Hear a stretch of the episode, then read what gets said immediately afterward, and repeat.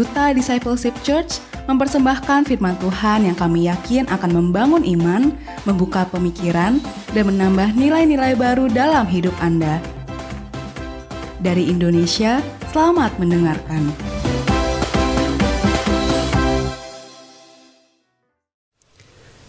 Ini agak di tolong di adjust dengan baik.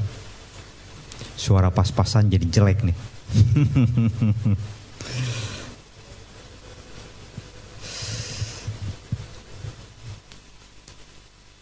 Hari ini, oh nggak ada suaranya nih. Hari ini, um, masih temanya itu tema besar tentang integritas, ya. Tentang apa? Integritas, kepolosan, ketulusan, hati yang murni, pure, ya. Nggak ada campuran apa-apa, kalau emas itu masuk dalam kategori logam mulia. Logam mulia pun bukan 100% emas ya, dia 99% kalau nggak salah ya kadar emasnya. Lalu turun di bawah itu ada 24 karat. 24 karat kalau nggak salah dia 90% ya. Kalau cincin, kalung yang bagus-bagus, yang modelnya eh, mantap dah ya, itu nggak bisa pakai emas 24 karat. Karena emas 24 karat itu lembek banget. Dan rata-rata emas kalung gelang yang bisa dimodifikasi berbagai macam model yang bagus itu eh, maksimal dia menggunakan 23 karat atau 22 karat. Baru dia, dia bisa dijadikan model berbagai macam. Dan hati manusia saat Tuhan ciptakan manusia ketika masih bayi, dia benar-benar murni. Ya. Murni, bersih. Dan itu yang Tuhan mau. Itu yang Tuhan mau. Kalau saya tanya, saudara mau tinggal di desa yang terpencil atau mau tinggal di kota besar metropolitan? Mau di mana? Mau di kota besar metropolitan atau mau di desa terpencil? Hah? Mau di mana? Yang mau desa siapa? Nggak ada yang mau desa. Dulu waktu saya memutuskan untuk mau buka usaha sendiri alias buka toko, itu saran terbaik itu kamu buka toko di daerah. Semakin daerah itu terpencil, kamu semakin mudah dapat uang. Ya. Dan memang kenyataannya seperti itu. Ya. Orang-orang yang buka toko di desa terpencil mungkin 30 tahun yang lalu Papua atau Irian itu orang jarang mau ke sono, ya.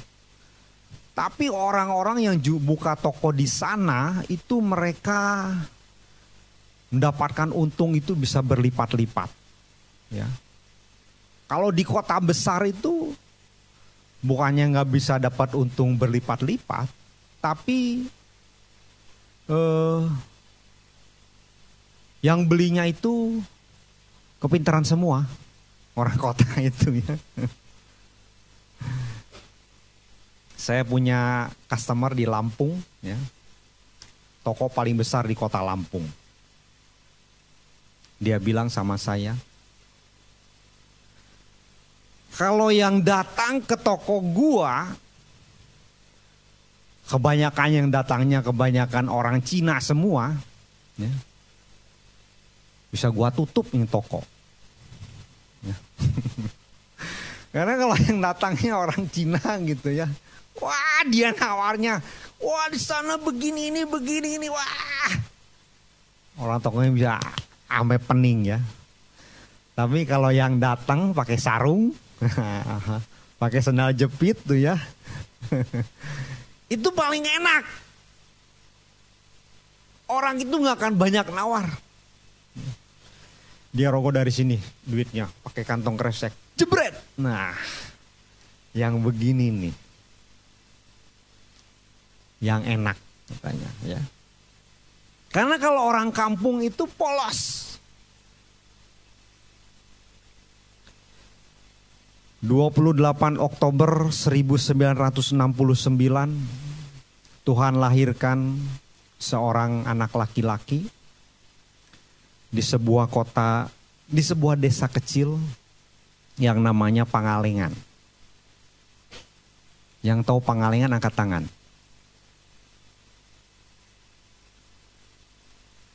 Ya, sedikit yang tahu ya. Pangalengan itu dia desa kecil dari Bandung kurang lebih 46 kilo ya mungkin lebih terkenal Ciwidey atau Kawah Putih. Siapa yang udah pernah ke Kawah Putih? Ah, kan banyak Kawah Putih ya. Jadi kalau kalian pergi ke Ciwidey ke Kawah Putih, nanti ada satu pertigaan cabang, ya. Kalau lurus dia ke Kawah Putih, belok kiri dia ke Pangalengan, ya entah belok kiri entah belok kanan lupa pokoknya belok aja ya dan seorang anak laki-laki itu bernama Rudi Setiawan ya. jadi saya lahir itu di desa kecil tapi saya nggak lama paling lama itu mungkin berkisar sampai umur 4 tahun lah ya.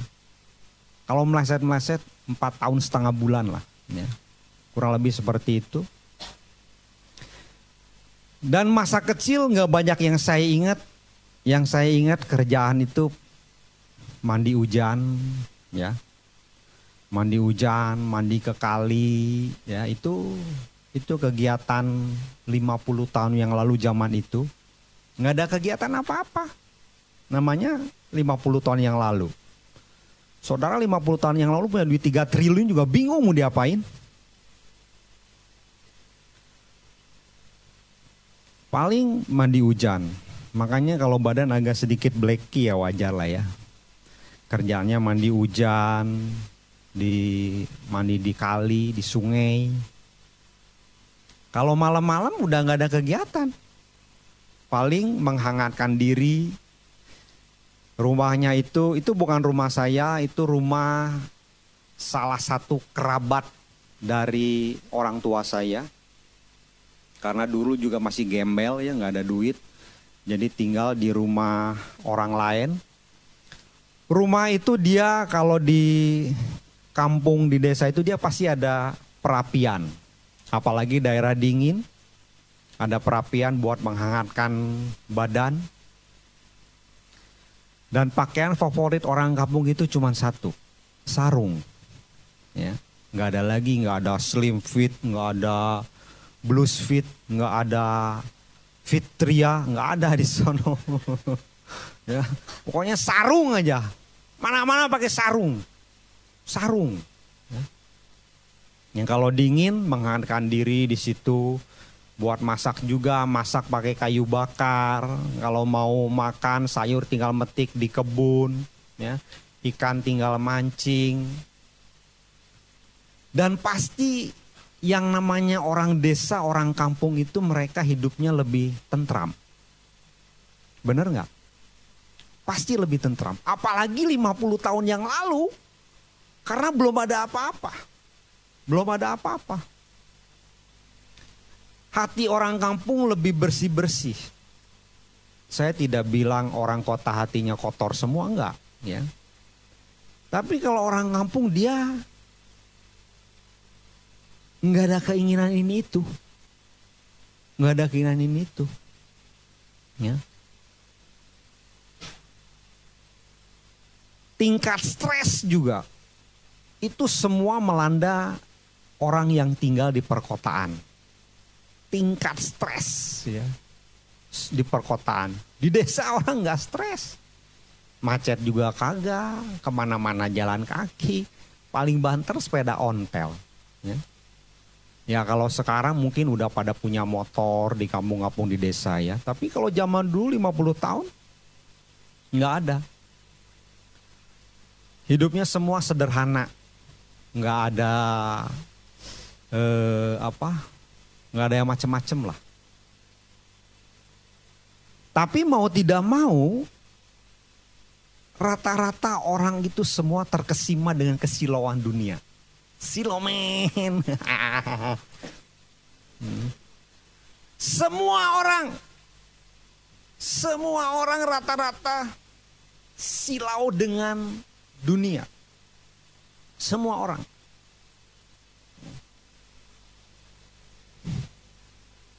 Nggak ada yang nggak silau dengan dunia.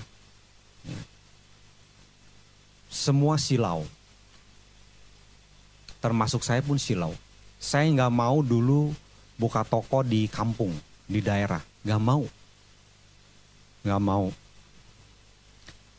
Lalu pilihan kedua ada satu saran, kamu buka toko di Bandung aja, ya karena saya umur 4 tahun baru pindah ke Bandung, saya besar di Bandung, kamu di Bandung aja udah ngomong Sunda udah pasti bisa. Nah lu orang Bandung katanya. Jadi enak sama pembeli itu udah deket ya. Udah bisa deket. Tapi saat itu saya sudah lahir baru di tempat ini. Saya sudah eh, cinta dengan tempat ini. Dan saya tidak mau meninggalkan gereja ini. Ya.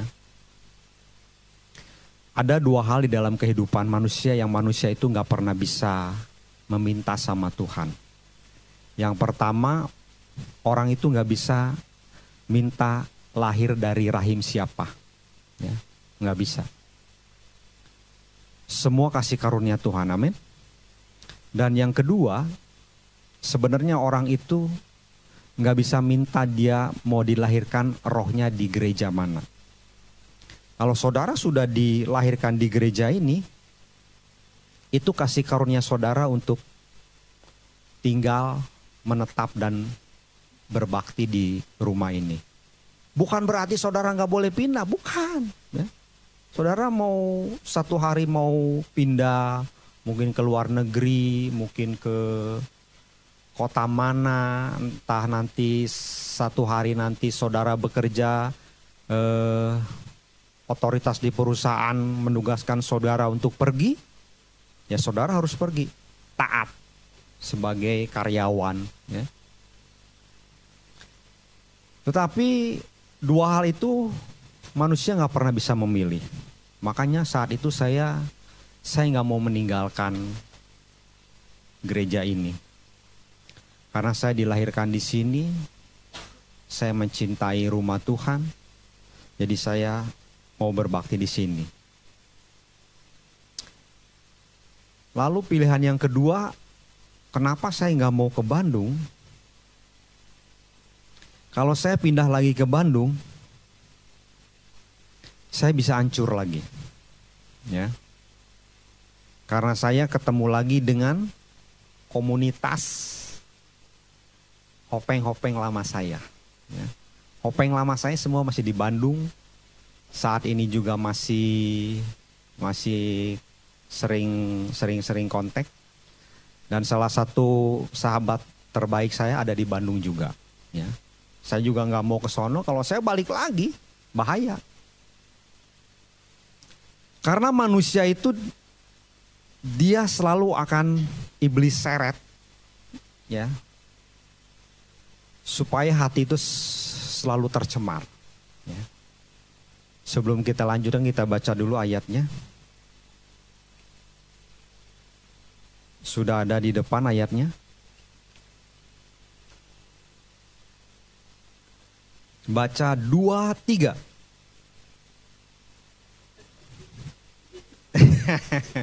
Kamu bercanda. Jangan-jangan nggak ada di situ ya? Hah? Wah, bahaya nih. Kita buka Alkitab kalian, gadget. 1 Timotius 1 ayat 5 terjemahan firman Allah yang hidup.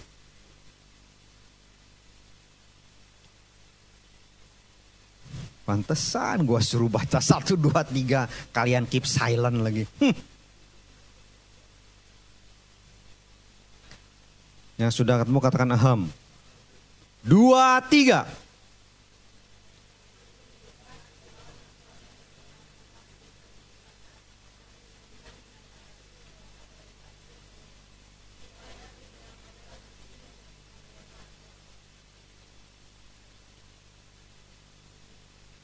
Kalau kalian membaca kitab Timotius ya, itu kitab Timotius itu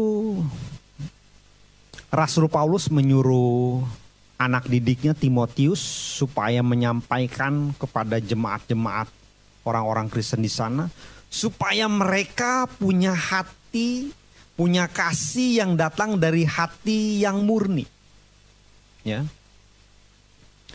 Karena di dalam kitab tersebut orang itu imannya digoyangkan dengan berbagai macam ajaran.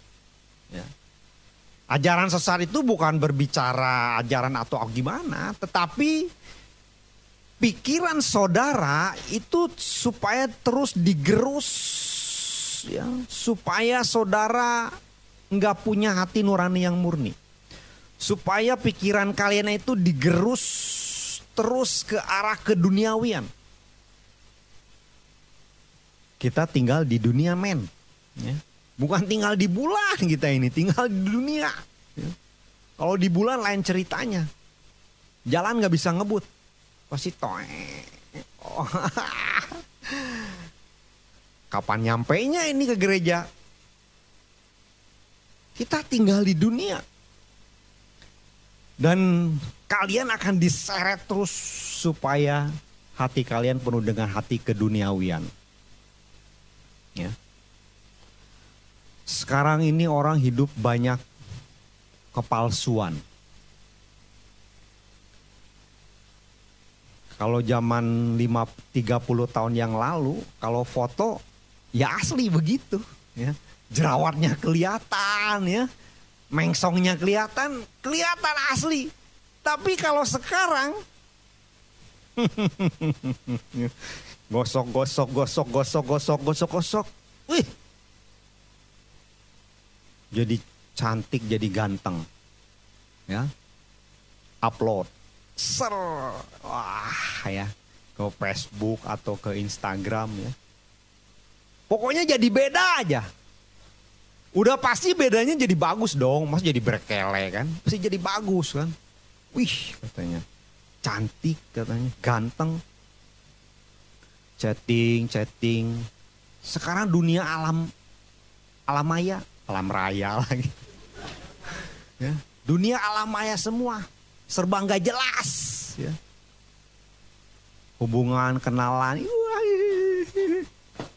ayo kopi darat katanya.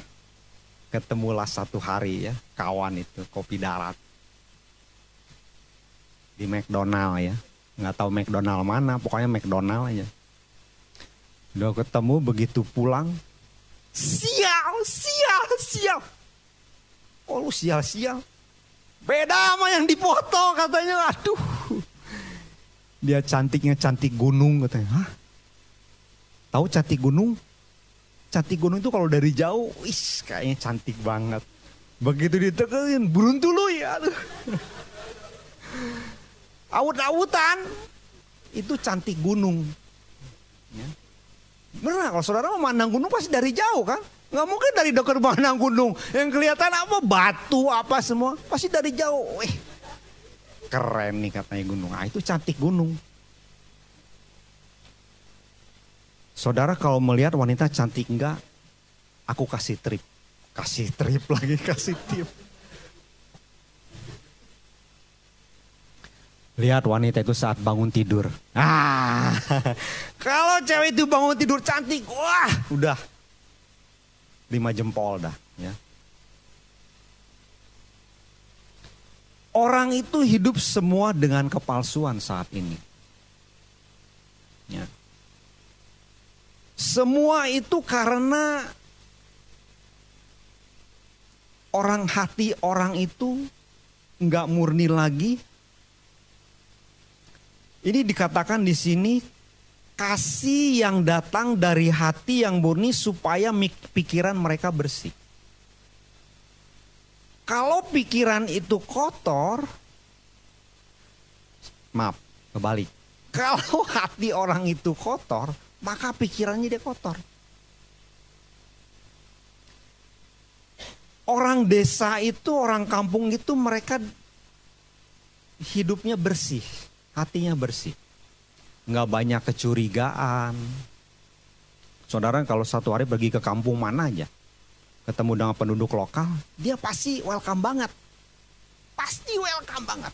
Karena hatinya nggak penuh kecurigaan. Tapi kalau saudara ke orang kota yang nggak kenal, Pasti orang kota nggak sembarangan suruh masuk ke rumah dong. Ya nggak? Karena di kota banyak e, orang-orang yang jahat jadi kita harus waspada. Ini orang mau datang mau ngapain ya? Mau ngerampok? Mau nanya orang atau gimana? Penuh kecurigaan kalau orang kota. Tapi kalau orang kampung nggak. Coba lihat rumah orang kampung. Ada nggak yang pagarnya sengeblek gede-gede begitu? gemboknya segede gajah. Enggak ada. Mungkin pekarangannya semua nggak ada pintunya. Kalau di kampung.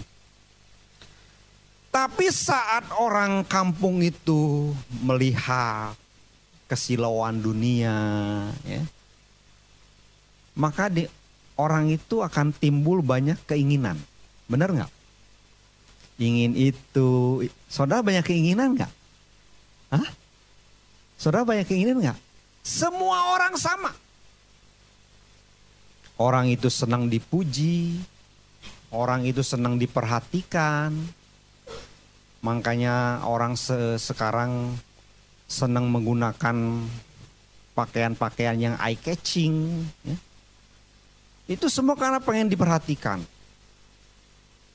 Gelangnya di sini bisa dua, di sini dua, kalung. Ya itu karena pengen diperhatikan. Apalagi kalau udah jadi tante-tante ya. Gerenjeng-gerenjeng ya. Ini emas semua. Di sini setengah kilo, di sini setengah kilo, di sini setengah kilo. Wah, udah kayak apa aja ya. Karena orang sering ingin diperhatikan. Satu hari kami pergi ke hotel FM7 di sono kan ada eh, berendam air panas ya. Itu saya pertama kali ke sono. Ada satu um-um, mungkin umurnya 60 tahun. Ya. Rantainya men, macam rantai kapal. Gede, emas. Ini begini. ya Cincinnya dia gosok-gosok sampai gurincing, gurincing, gurincing, gurincing. Itu orang karena pengen diperhatikan. Bener nggak? Semua orang pengen diperhatikan. Semua orang pengen menjadi orang terkenal. Saudara mau jadi orang terkenal nggak? Semua pengen menjadi orang terkenal. Apalagi kalau orang punya suara bagus, ya, punya suara bagus, itu godaannya tinggi, ya. Aktor film sama penyanyi itu godaannya tingginya penyanyi. Popularitas penyanyi itu wah. Kalian kalau pernah nonton satu konser mana aja, entah di YouTube, entah di mana, entah Michael Jackson, entah siapa entah Mariah Carey, entah Rolling Stone, entah siapa. Orang bisa histeris kan? Gini. Kamu kenal dia nggak? Nggak. Kenapa kamu nangis? Nggak tahu katanya.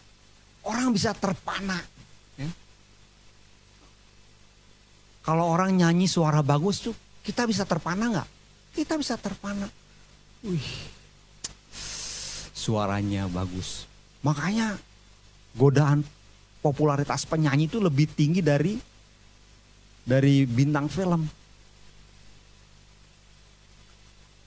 Lucifer adalah salah satu malaikat pemuji penyembah.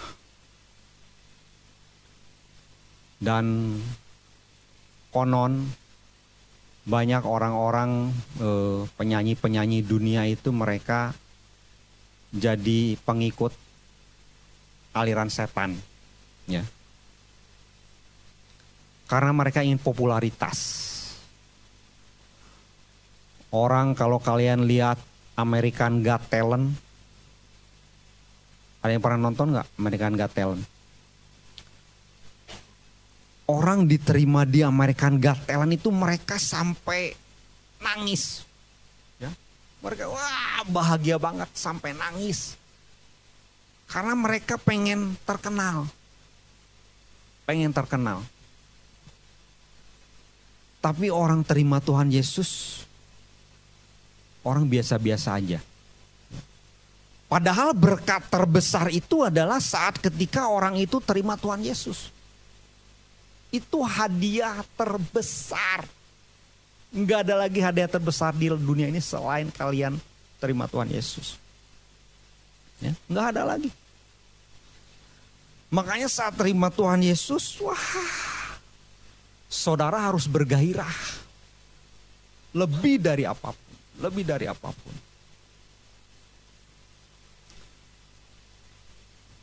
Tidak semua orang Tuhan berikan kasih karunia untuk bisa mengenal Tuhan Yesus. Enggak semua orang.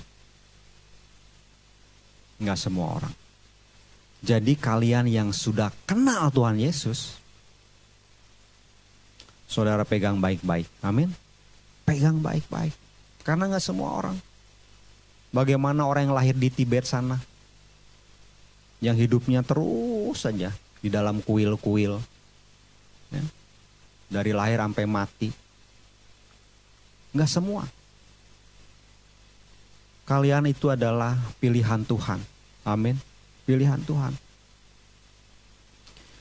Tapi orang itu pikirannya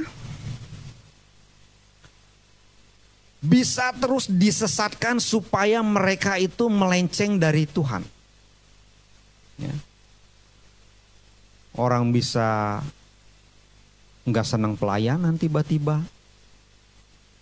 nggak mau pelayanan lagi. Lalu rasanya orang itu kok jadi lonely, nggak ada teman. Kalian kalau punya rasa kok kayaknya gue nggak punya teman di sini ya. Itu ada yang salah. Itu ada yang salah. Kalian itu makin hari harus makin disukai sama Tuhan dengan sesama. Amin. Harus. Tapi kalau kalian merasa nggak punya teman, kalian harus introspeksi diri. Kenapa?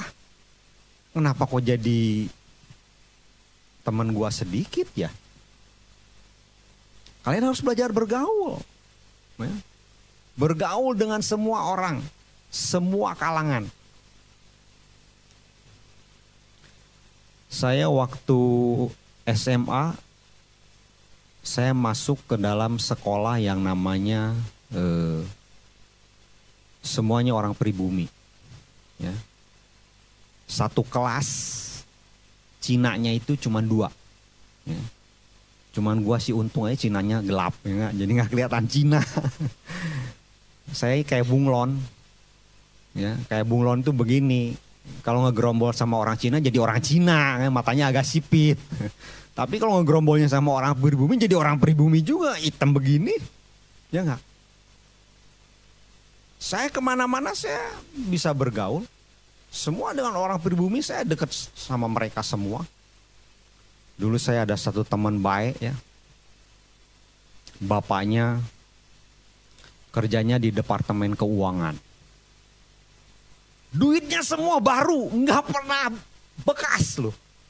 Maklum aja bapaknya di departemen keuangan, ya baru terus cecengan-cecengan. Zaman saya bu cecengan udah paling gede itu. Zaman saya SMA. Tapi saya bisa deket ke sana, deket sini, hopeng ke sana sini. It's okay. Ya. Orang kalau hatinya bersih, saudara bisa bergaul ke mana-mana. Bener nggak?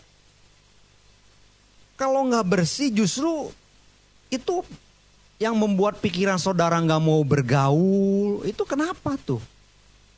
Ya. Kan itu main di pikiran semua. Kenapa jadi malas bergaul? Gaulnya sama si ini aja. Kalau 30 tahun yang lalu egoisme itu nggak terlalu ini ya. Tapi semenjak zaman ini orang hidup tanpa teman nggak masalah, ya nggak? Habisin hari-hari sendiri enak-enak aja, bisa chatting, bisa main game, bisa gimana, pesen GoFood, pesen apa, semua bisa pakai ini. Tapi kalau 30-40 tahun yang lalu, mainannya apa? Nggak ada. Harus harus ngumpul, harus ngegeng ya. Main aja begitu. Nah hati kalian itu akan terus terseret dengan keduniawian. Pengen ini, pengen itu. Nggak ada salah, nggak salah dengan keinginan. Kalian pengen punya handphone bagus, nggak salah. Kalian punya pengen punya eh, sepeda yang bagus, nggak salah pengen punya sepeda motor yang bagus nggak salah. Nanti kalian udah kerja, pengen punya uang banyak nggak salah. Semua nggak salah. Ya. Tapi keinginan-keinginan itu kalian harus tahu. Titik-titik lemah kalian di mana kalian harus tahu supaya kalian jangan kasih makan. Ya. Jangan kasih makan.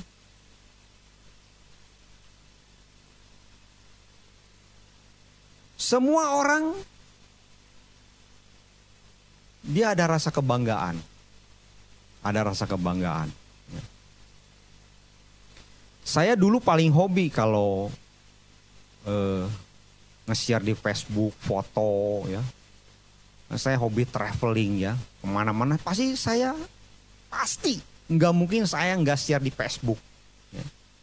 Nge-share di Facebooknya nggak ada masalah. Saudara nge-share di Facebook nggak apa-apa. Ya. Yang jadi masalah ketika saudara nge-share di Facebook ada kebanggaan. Ya. Like-nya, oh, wih, like gua udah 200 nih. Ada kebanggaan. Nah itu jangan dikasih makan.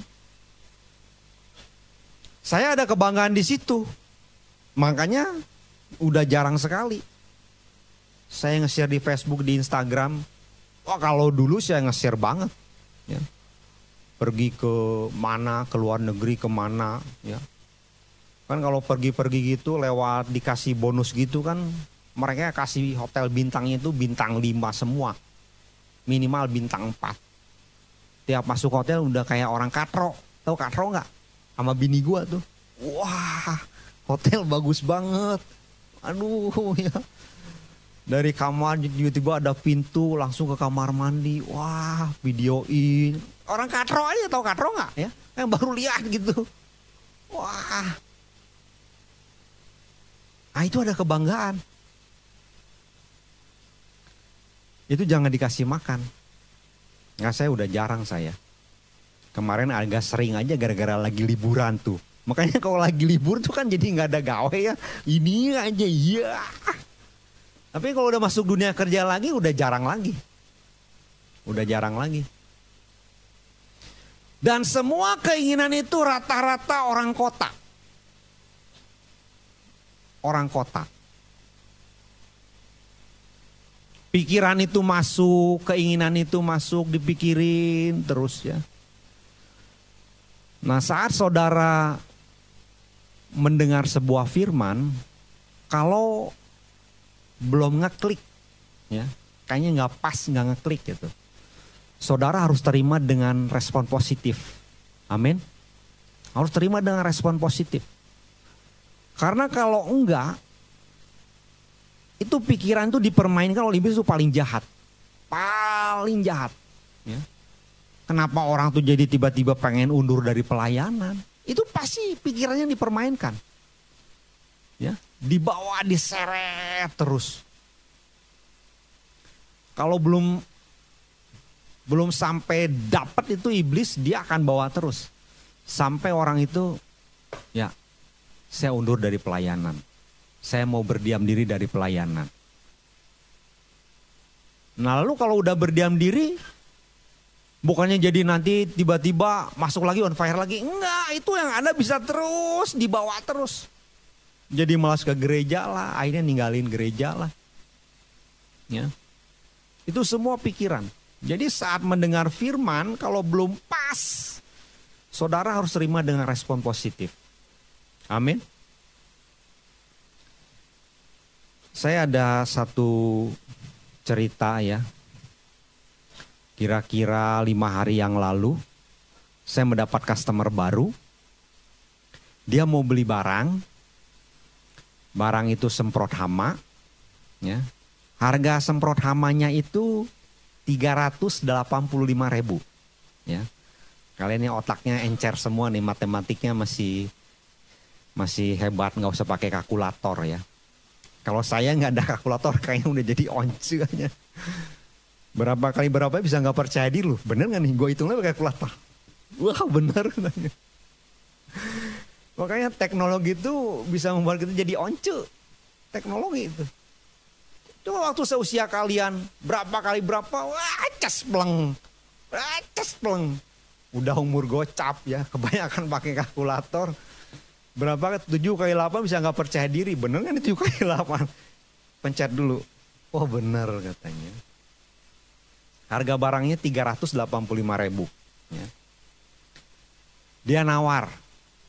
Pak boleh kurang nggak? Nggak bisa saya bilang. Saya beli 50 biji katanya. Wih 50 biji.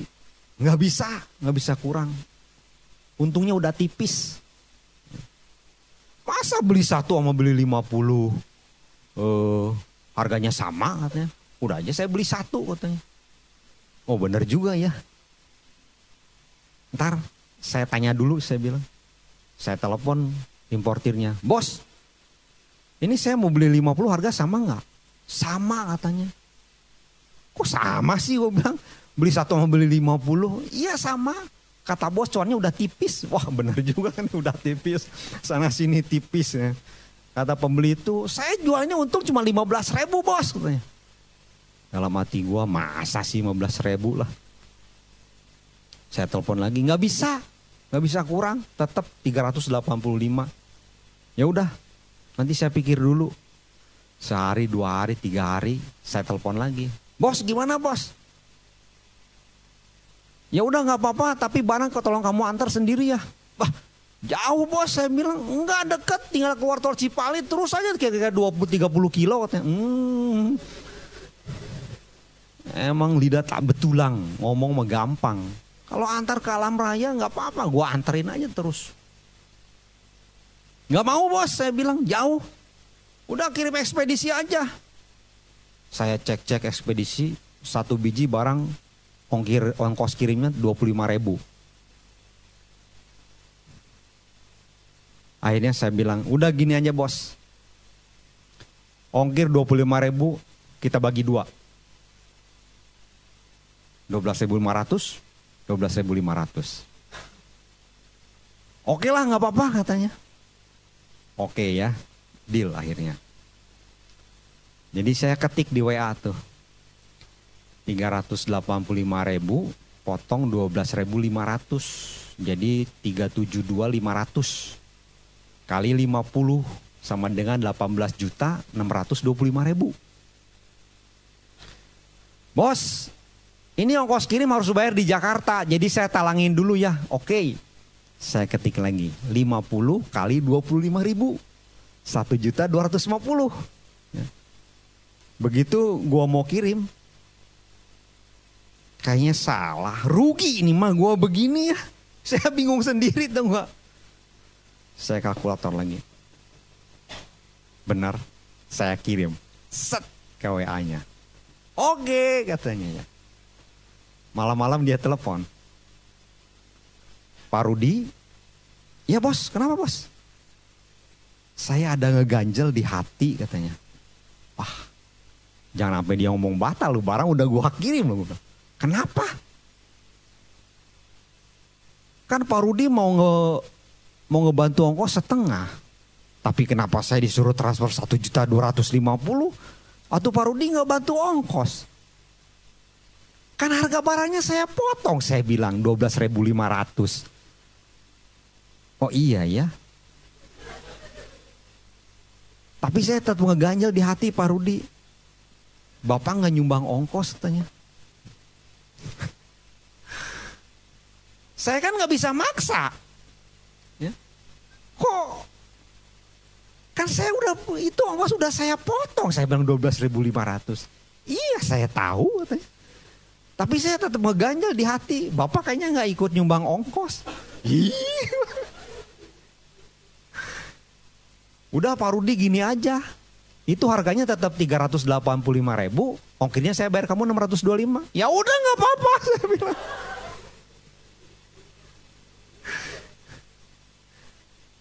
Nah, saudara kalau ngedengar firman kalau belum ngeklik. Ngeklik itu bukan di otak. Ya. Firman itu bukan dimengerti di otak, bukan. Tapi di mana? Di hati. Makanya trust and obey itu jangan pakai otak.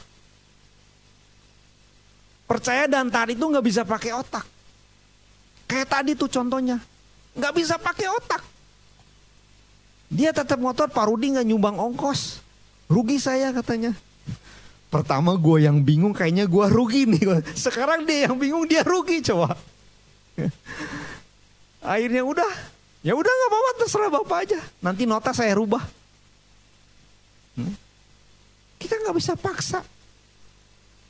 Nanti satu hari Tuhan singkapkan siapa yang benar, saya atau dia. ya. Nah itu semua main di pikiran. Bukan main di hati, di pikiran. Itu jahatnya itu pikiran di situ. Orang kalau udah ada keinginan, maka dia akan berusaha berbagai macam cara untuk mendapatkan keinginan tersebut. Benar nggak? Apa yang saudara begitu ingini di dalam dunia ini, saudara jangan kasih makan. Saudara senang dipuji, jangan kasih makan. Saudara pengen diperhatikan, jangan kasih makan. Ya. Kebalikannya saudara nggak mau diperhatikan juga jangan kasih makan. Harus yang murni, yang pure. Ya. Dan semua kehidupan di kota besar itu banyak kepalsuan. Semua yang namanya kota besar itu standar moralnya semua turun. Ya. Saudara e, Bali ya, wah Bali kan perkembangannya begitu cepat. Hotel apa semua, wah yang mewah-mewah ada di sana semua. Tapi kalau Lombok, dia sulit untuk berkembang karena Islamnya kuat. Jadi kadang-kadang ada sisi baiknya, ada sisi buruknya. Ya. Semua yang bebas-bebas itu mereka pasti gemerlap. Las Vegas, ya, Thailand, Pattaya, kota-kota besar metropolitan, semua yang megah-megah itu pasti di situ prostitusi perjudian itu bebas. Makanya Las Vegas disebut Sin City, kota dosa, kota maksiat terbesar nomor dua di dunia. Tapi orang silau semua dengan kegemerlapan. Semua. Dan kita harus jaga itu. Amin. Saudara harus jaga itu. Kita baca ayat selanjutnya. Udah ada belum? Ayat selanjutnya.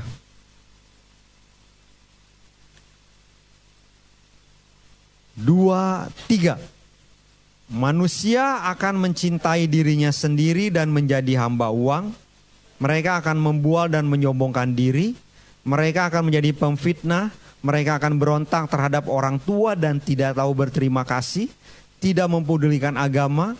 Tidak tahu mengasihi. Tidak mau berdamai. Suka menjelekkan orang yang tidak dapat mengekang diri garang, tidak suka yang baik, suka mengkhianat, tidak berpikir panjang, berlaga tahu, lebih menuruti hawa nafsu daripada menuruti Allah. Ya. Poin pertama dan terakhir itu dua-duanya adalah tentang diri sendiri. Ya. King James Version menulis dengan love for pleasure. Love for pleasure itu kesenangan hidup. Ya, kesenangan hidup. Bisa jalan-jalan ke mana-mana. Ya, itu kesenangan hidup. Dan semua orang menginginkan kesenangan hidup. Semua manusia pengen hidupnya enak, pengen hidup nyaman. Benar nggak? Hah? Apa gua doang yang mau? Semua sama. Kemarin lagi dua hari sakit, diare, demam. Ya. Saya nggak pernah diare campur demam. Kali itu diare sama demam. Wah, saya jadi Tuhan, aduh, kapan saya ada pembantu lagi ya? Nggak ada pembantu, pulang ke rumah masih masih harus nyapu, harus ngepel ya. Lagi sakit, mau ngepel, aduh kayaknya males banget. Tapi ngelihat lantai kotor, aduh ya. Jadinya berseru sama Tuhan, tolong kirim si Mbak ya. Karena Mbak sejak pulang kampung lebaran dia udah nggak mau kerja lagi. Jadi sekarang nggak ada Mbak. Manusia itu pengen hidupnya nyaman. Ya.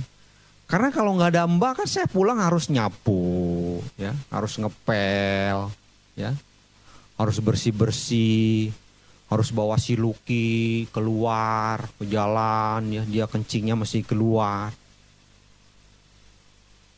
padahal kalau udah pulang kerja maunya ber leha-leha ya santai nggak ada yang salah dengan itu.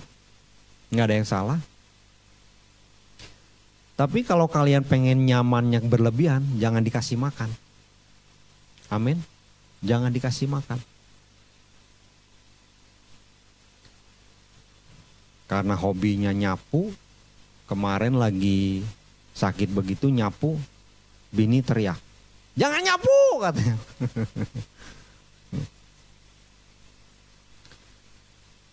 nah semua ini saudara jangan kasih makan ya tentang uang itu adalah musuh nomor satu ya saya mau bilang sama kalian, uang itu semua kasih karunia dari Tuhan. Amin. Dan setiap orang kasih karunia berbeda-beda. Ya. Contohnya apa? Kalian bisa lahir dari keluarga mapan, kurang mapan, setengah mapan, papan semua, ya. Itu semua kasih karunia Tuhan. Contohnya lagi saya ingat anjing saya, si Lucky. Dia kasih karunia-nya gede banget. Ya. Ada anjing tinggalnya di rumah mewah, ya. Tapi dia dikandangin terus. Majikannya nggak pernah ngurus, jarang dikasih makan, ya. Anjing pun kasih karunia berbeda-beda. anjing saya bukan anjing bukan anjing apa? Ras ya. Kalau bawa ke dokter rasnya apa?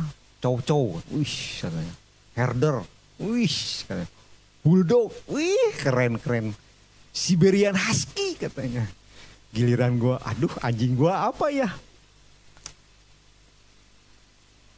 Pak, anjingnya apa? Phil. Hah? Phil. Loh, kok Phil? Ya, kampung. Oh, kampung. Jangan keras-keras, malu dong ngelihat orang jenisnya ya. Feel katanya. Hah? Dia bingung kali ya ras anjing apa ini? Pil, pil katanya. Kampung. oh, kampung. Tapi anjing saya kasih karunia besar. Kampung, saya cinta, bini gua cinta ya sampai sakit pun bawa ke rumah sakit sampai diinpus wah sampai nggak bisa tidur saya kalau lagi anjing sakit tuh karena saya yang ngurus infus kan harus dipegangin terus nanti kalau ditinggal takut lepas kan waduh kepikiran terus saya sudah berjanji si Luki mati saya nggak mau piara lagi nggak mau dah cukup sampai si Luki. Ya. Semua berbicara tentang kasih karunia.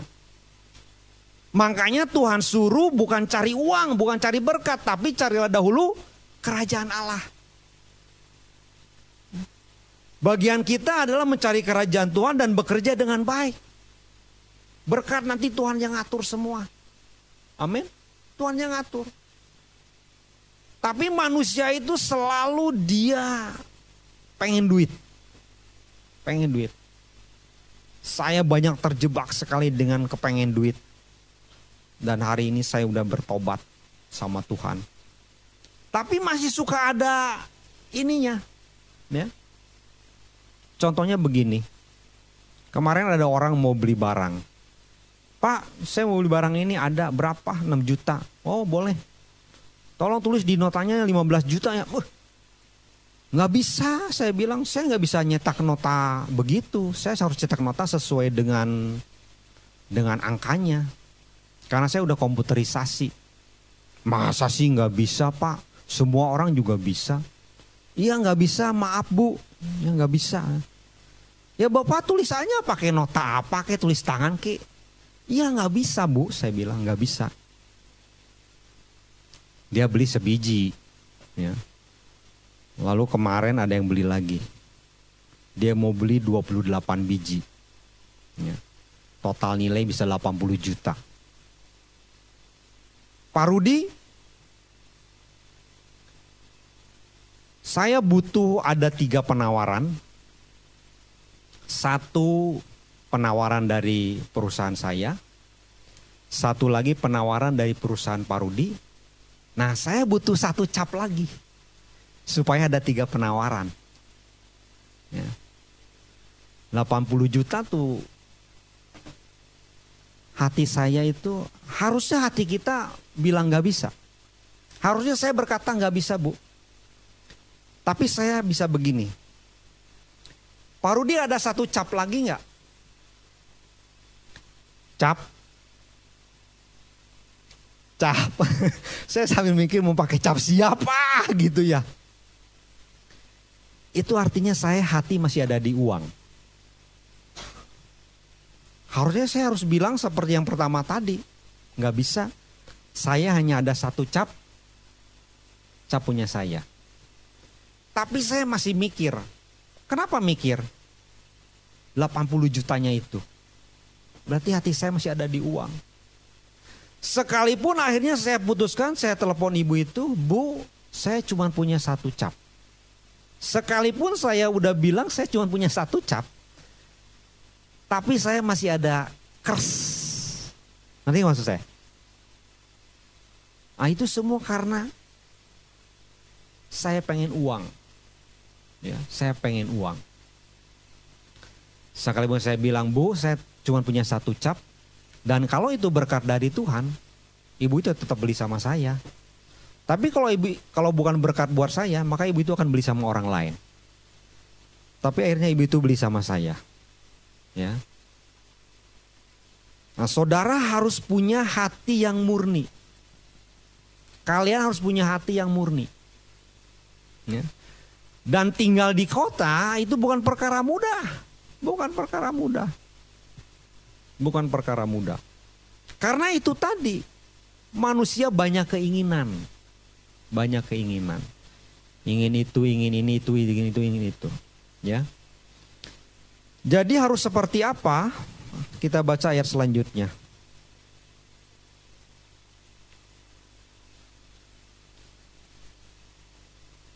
Dua, tiga.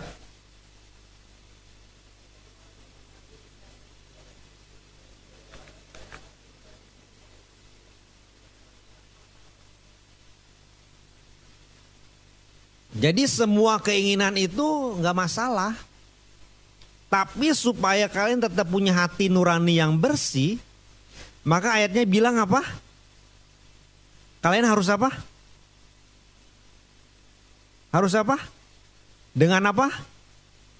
Dengan melakukan hal-hal yang benar. Ya. supaya hati kalian tetap bersih, supaya iman kalian tetap kuat terhadap Kristus, supaya kalian tidak tergoda dengan keinginan duniawi, maka kalian harus melakukan hal-hal yang benar. Ini rumusnya supaya kalian bisa punya hati nurani yang bersih. Ya. Hal-hal yang benar itu apa? Itu tadi. Kalau kalian pengen apa, kalian harus jangan kasih makan. Jangan kasih makan. Makanya tema khotbah hari ini adalah jangan kasih makan. Apalagi kalau udah kelebihan berat badan. Jangan kasih makan. ya. Semua hal kalian dalam bekerja, kalian harus melakukan hal-hal yang benar. Integritas dalam pekerjaan, integritas di dalam ketika kalian berlibur, di dalam berlalu lintas, kalian harus taat peraturan, kalian harus taat dengan otoritas, kalian harus eh, pegang teguh kejujuran, ya. Semua kalian harus belajar melakukan hal-hal yang benar. Harus. Dalam melakukan hal-hal yang benar kalian harus jangan kalah dengan orang dunia. Amin. Jangan kalah dalam hal kebenaran. Kalau kalian kalah dengan orang dunia, salah ya. Tapi dalam hal kebenaran kalian harus nomor satu. Ya, nomor satu. Kalau kalian bekerja, jangan suka terlambat, ya. Kerja dengan baik. Itu itu adalah contoh teladan bagi karyawan-karyawan yang lain. Ya. Lalu yang paling sering itu uh, peralatan tulis kantor suka kebawa pulang ke rumah nggak sengaja gitu ya lama-lama lama-lama di rumah kok bolpen jadi ada selosin di kantor kurang terus ya. kalau ke hotel barang-barang yang nggak boleh dibawa jangan dibawa ya anduk sih nggak dibawa pulang selimut lu bawa pulang lagi ya. Dalam hal kebenaran kalian nggak boleh kalah dengan orang dunia. Saya ada satu kali kejadian saya kalah dengan orang dunia. Ya. Saya kemarin pergi ke Cina berlima. Ya. Lalu saya nginep biar murah di apartemen. Karena kalau apartemen kan lebih murah. Ya. Kemarin di apartemen satu malam satu juta bagi lima cuma 200 ribu sehari apartemennya bagus kamarnya tiga ya semua peralatannya komplit ya. yang bisa bahasa Cina cuma satu orang itu pun juga setengah-setengah Cinanya jadi pemiliknya terangin semua wanyi wanyi wanyi kita semua juga dengerin kagak ngerti juga wanyi wanyi serius kita saya dengerin wanyi wanyi Wah, kok. ya kagak ngerti kan. Dia gini-gini terus ya. Hari berikutnya baru kita ngerti. Kenapa dia ngomong begini-begini terus. Ya. Rupanya di kamar mandi itu alat buat begini ada tiga biji. Alat buat. Kalau WC mampet dari yang alatnya kecil, alatnya sampai yang gede. Rupanya itu WC bisa mampet satu hari itu WC mampet. Ya. Waduh. Saya dalam sejarah mandi satu jam baru kali itu. Karena mampet. Ya, habis buang air besar ya. Harus gitu. gua buka pintu. Hei tolongin ini gimana? Bapak kau lah tolongin katanya. Wah saya gini terus gak bersih-bersih. Punya sendiri aja saya udah pengen muntah tau gak. Wah tapi saya mau gak mau gini terus. Makanya tadi orang itu ngejelasin. Wanyu wanyu. Rupanya itu kalau mampet kamu harus begini katanya. Wah airnya bersih satu hari itu. Besoknya kasus lagi. Kami berlima, biasa pergi itu selalu berlima terus. Ya. Kali itu mereka berdua mau pergi duluan, kami mau agak siangan, nggak mau pagi-pagi. Ya. Nah yang pergi berdua, dia habis mandi, habis nyetor kan, mampet lagi kan. Gue bilang lu jangan pergi belum kalau belum bersih lu jangan pergi, ya. Karena itu saya kan senang bersih. Jadi selama berhari-hari di sana tuh bagian nyapu semua, cuci piring itu saya ngerjakan semua. Ya. Karena saya senang bersih, nggak mau berantakan. Saya tahu berjiwa besar, saya tahu melayani, udah. Tapi hari itu Gue bilang lu nggak bersih lu jangan pergi lu gue bilang ya. Karena pasti gue lagi nih. Gue bilang gue nggak mau lu gue bilang. Lo cepat Ger udah siang katanya. Ger gue bilang. Udah tinggal dikit Dia bagi berdua. Begitu gue masuk. Wah lama. Berdikit dari mana lagi. Ah. Saya bilang saya nggak mau bersihin. Garin kuat-kuatan aja gue bilang. Gue gak mau. Mendingan gue nanti ke mana aja gue tahan-tahan aja cari hotel cari apa di luar. Gak sanggup saya. Punya sendiri aja udah mau muntah suruh punya orang lagi. Tapi saya kalah sama teman saya. Teman saya dia bersihin semua. Udah gue bersihin tuh katanya. Yang benar lu, lu lihat aja sendiri. Gue lihat, wih, waduh, suhu Terima kasih Su. Sebenarnya saya malu loh. Tapi saya nggak sanggup saat itu. Kamu siasu. Dia bersihin semua. Saudara jangan kalah sama orang dunia. Ya. Saya kalah hari itu. Nggak sanggup. Ya. Saudara sanggup nggak? Nggak tahu. Saya nggak sanggup. Ah, ya. Tapi akhirnya kita menemukan satu cara. Ya. Sebelum nyetor, mesti begini dulu. akhirnya sebelum nyetor, ya, gitu dulu. Langsung plus. Beres, bersih. Saudara kalau satu hari ke Cina, nyinyo Ya, saudara harus ngerti ya. Aku udah kasih jurus kau. Jadi sebelum kau setor, kau gini dulu. Beres. Ya. Saya juga bingung kenapa sampai ada tiga biji kecil, setengah gede sampai yang gede. Tiga-tiga aku gini-gini susah banget. Ya. Saudara harus melakukan hal-hal yang benar. Kalau saudara terus berusaha untuk melakukan hal yang benar, maka hati saudara akan terjaga pikiran saudara akan terjaga. Akan terjaga. Kalau enggak pikiran itu bisa digonjang-ganjing ke mana-mana. Paling jahat itu menggonjang-ganjingkan pikiran. Paling jahat.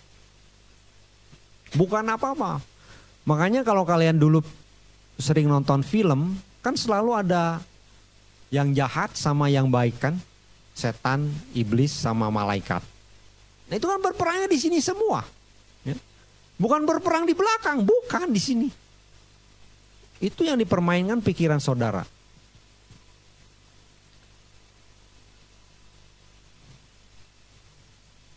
Jadi saya mau tanya lagi, mau tinggal di kampung apa di kota? ya. Tetap tinggal di kota ya. Tetap tinggal di kota. Tapi kalau Tuhan suruh utus kalian ke kampung, ya pergi ke kampung. Ke kampung Wairebo. Tahu kampung Wairebo? Ya, yang udah pernah pergi tahu. Ya. Sono rumahnya ada pintu gerbang nggak? Nggak ada kalau di kampung mah. Ya. Orang nggak takut hidup orang daerah desa itu nggak penuh kecurigaan. Ya. Hanya orang yang tinggal di kota hidup penuh dengan kecurigaan. Tetapi orang tetap lebih senang hidup di kota.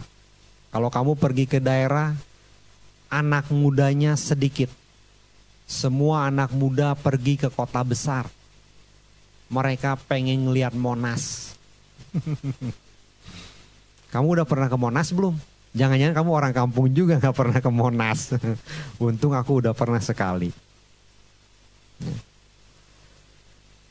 Hanya ada satu cara supaya kalian punya iman dan teguh, punya hati nurani yang murni. Lakukan setiap hari kebenaran. Amin. Saya undang Well dan musik kita nyanyikan satu lagu.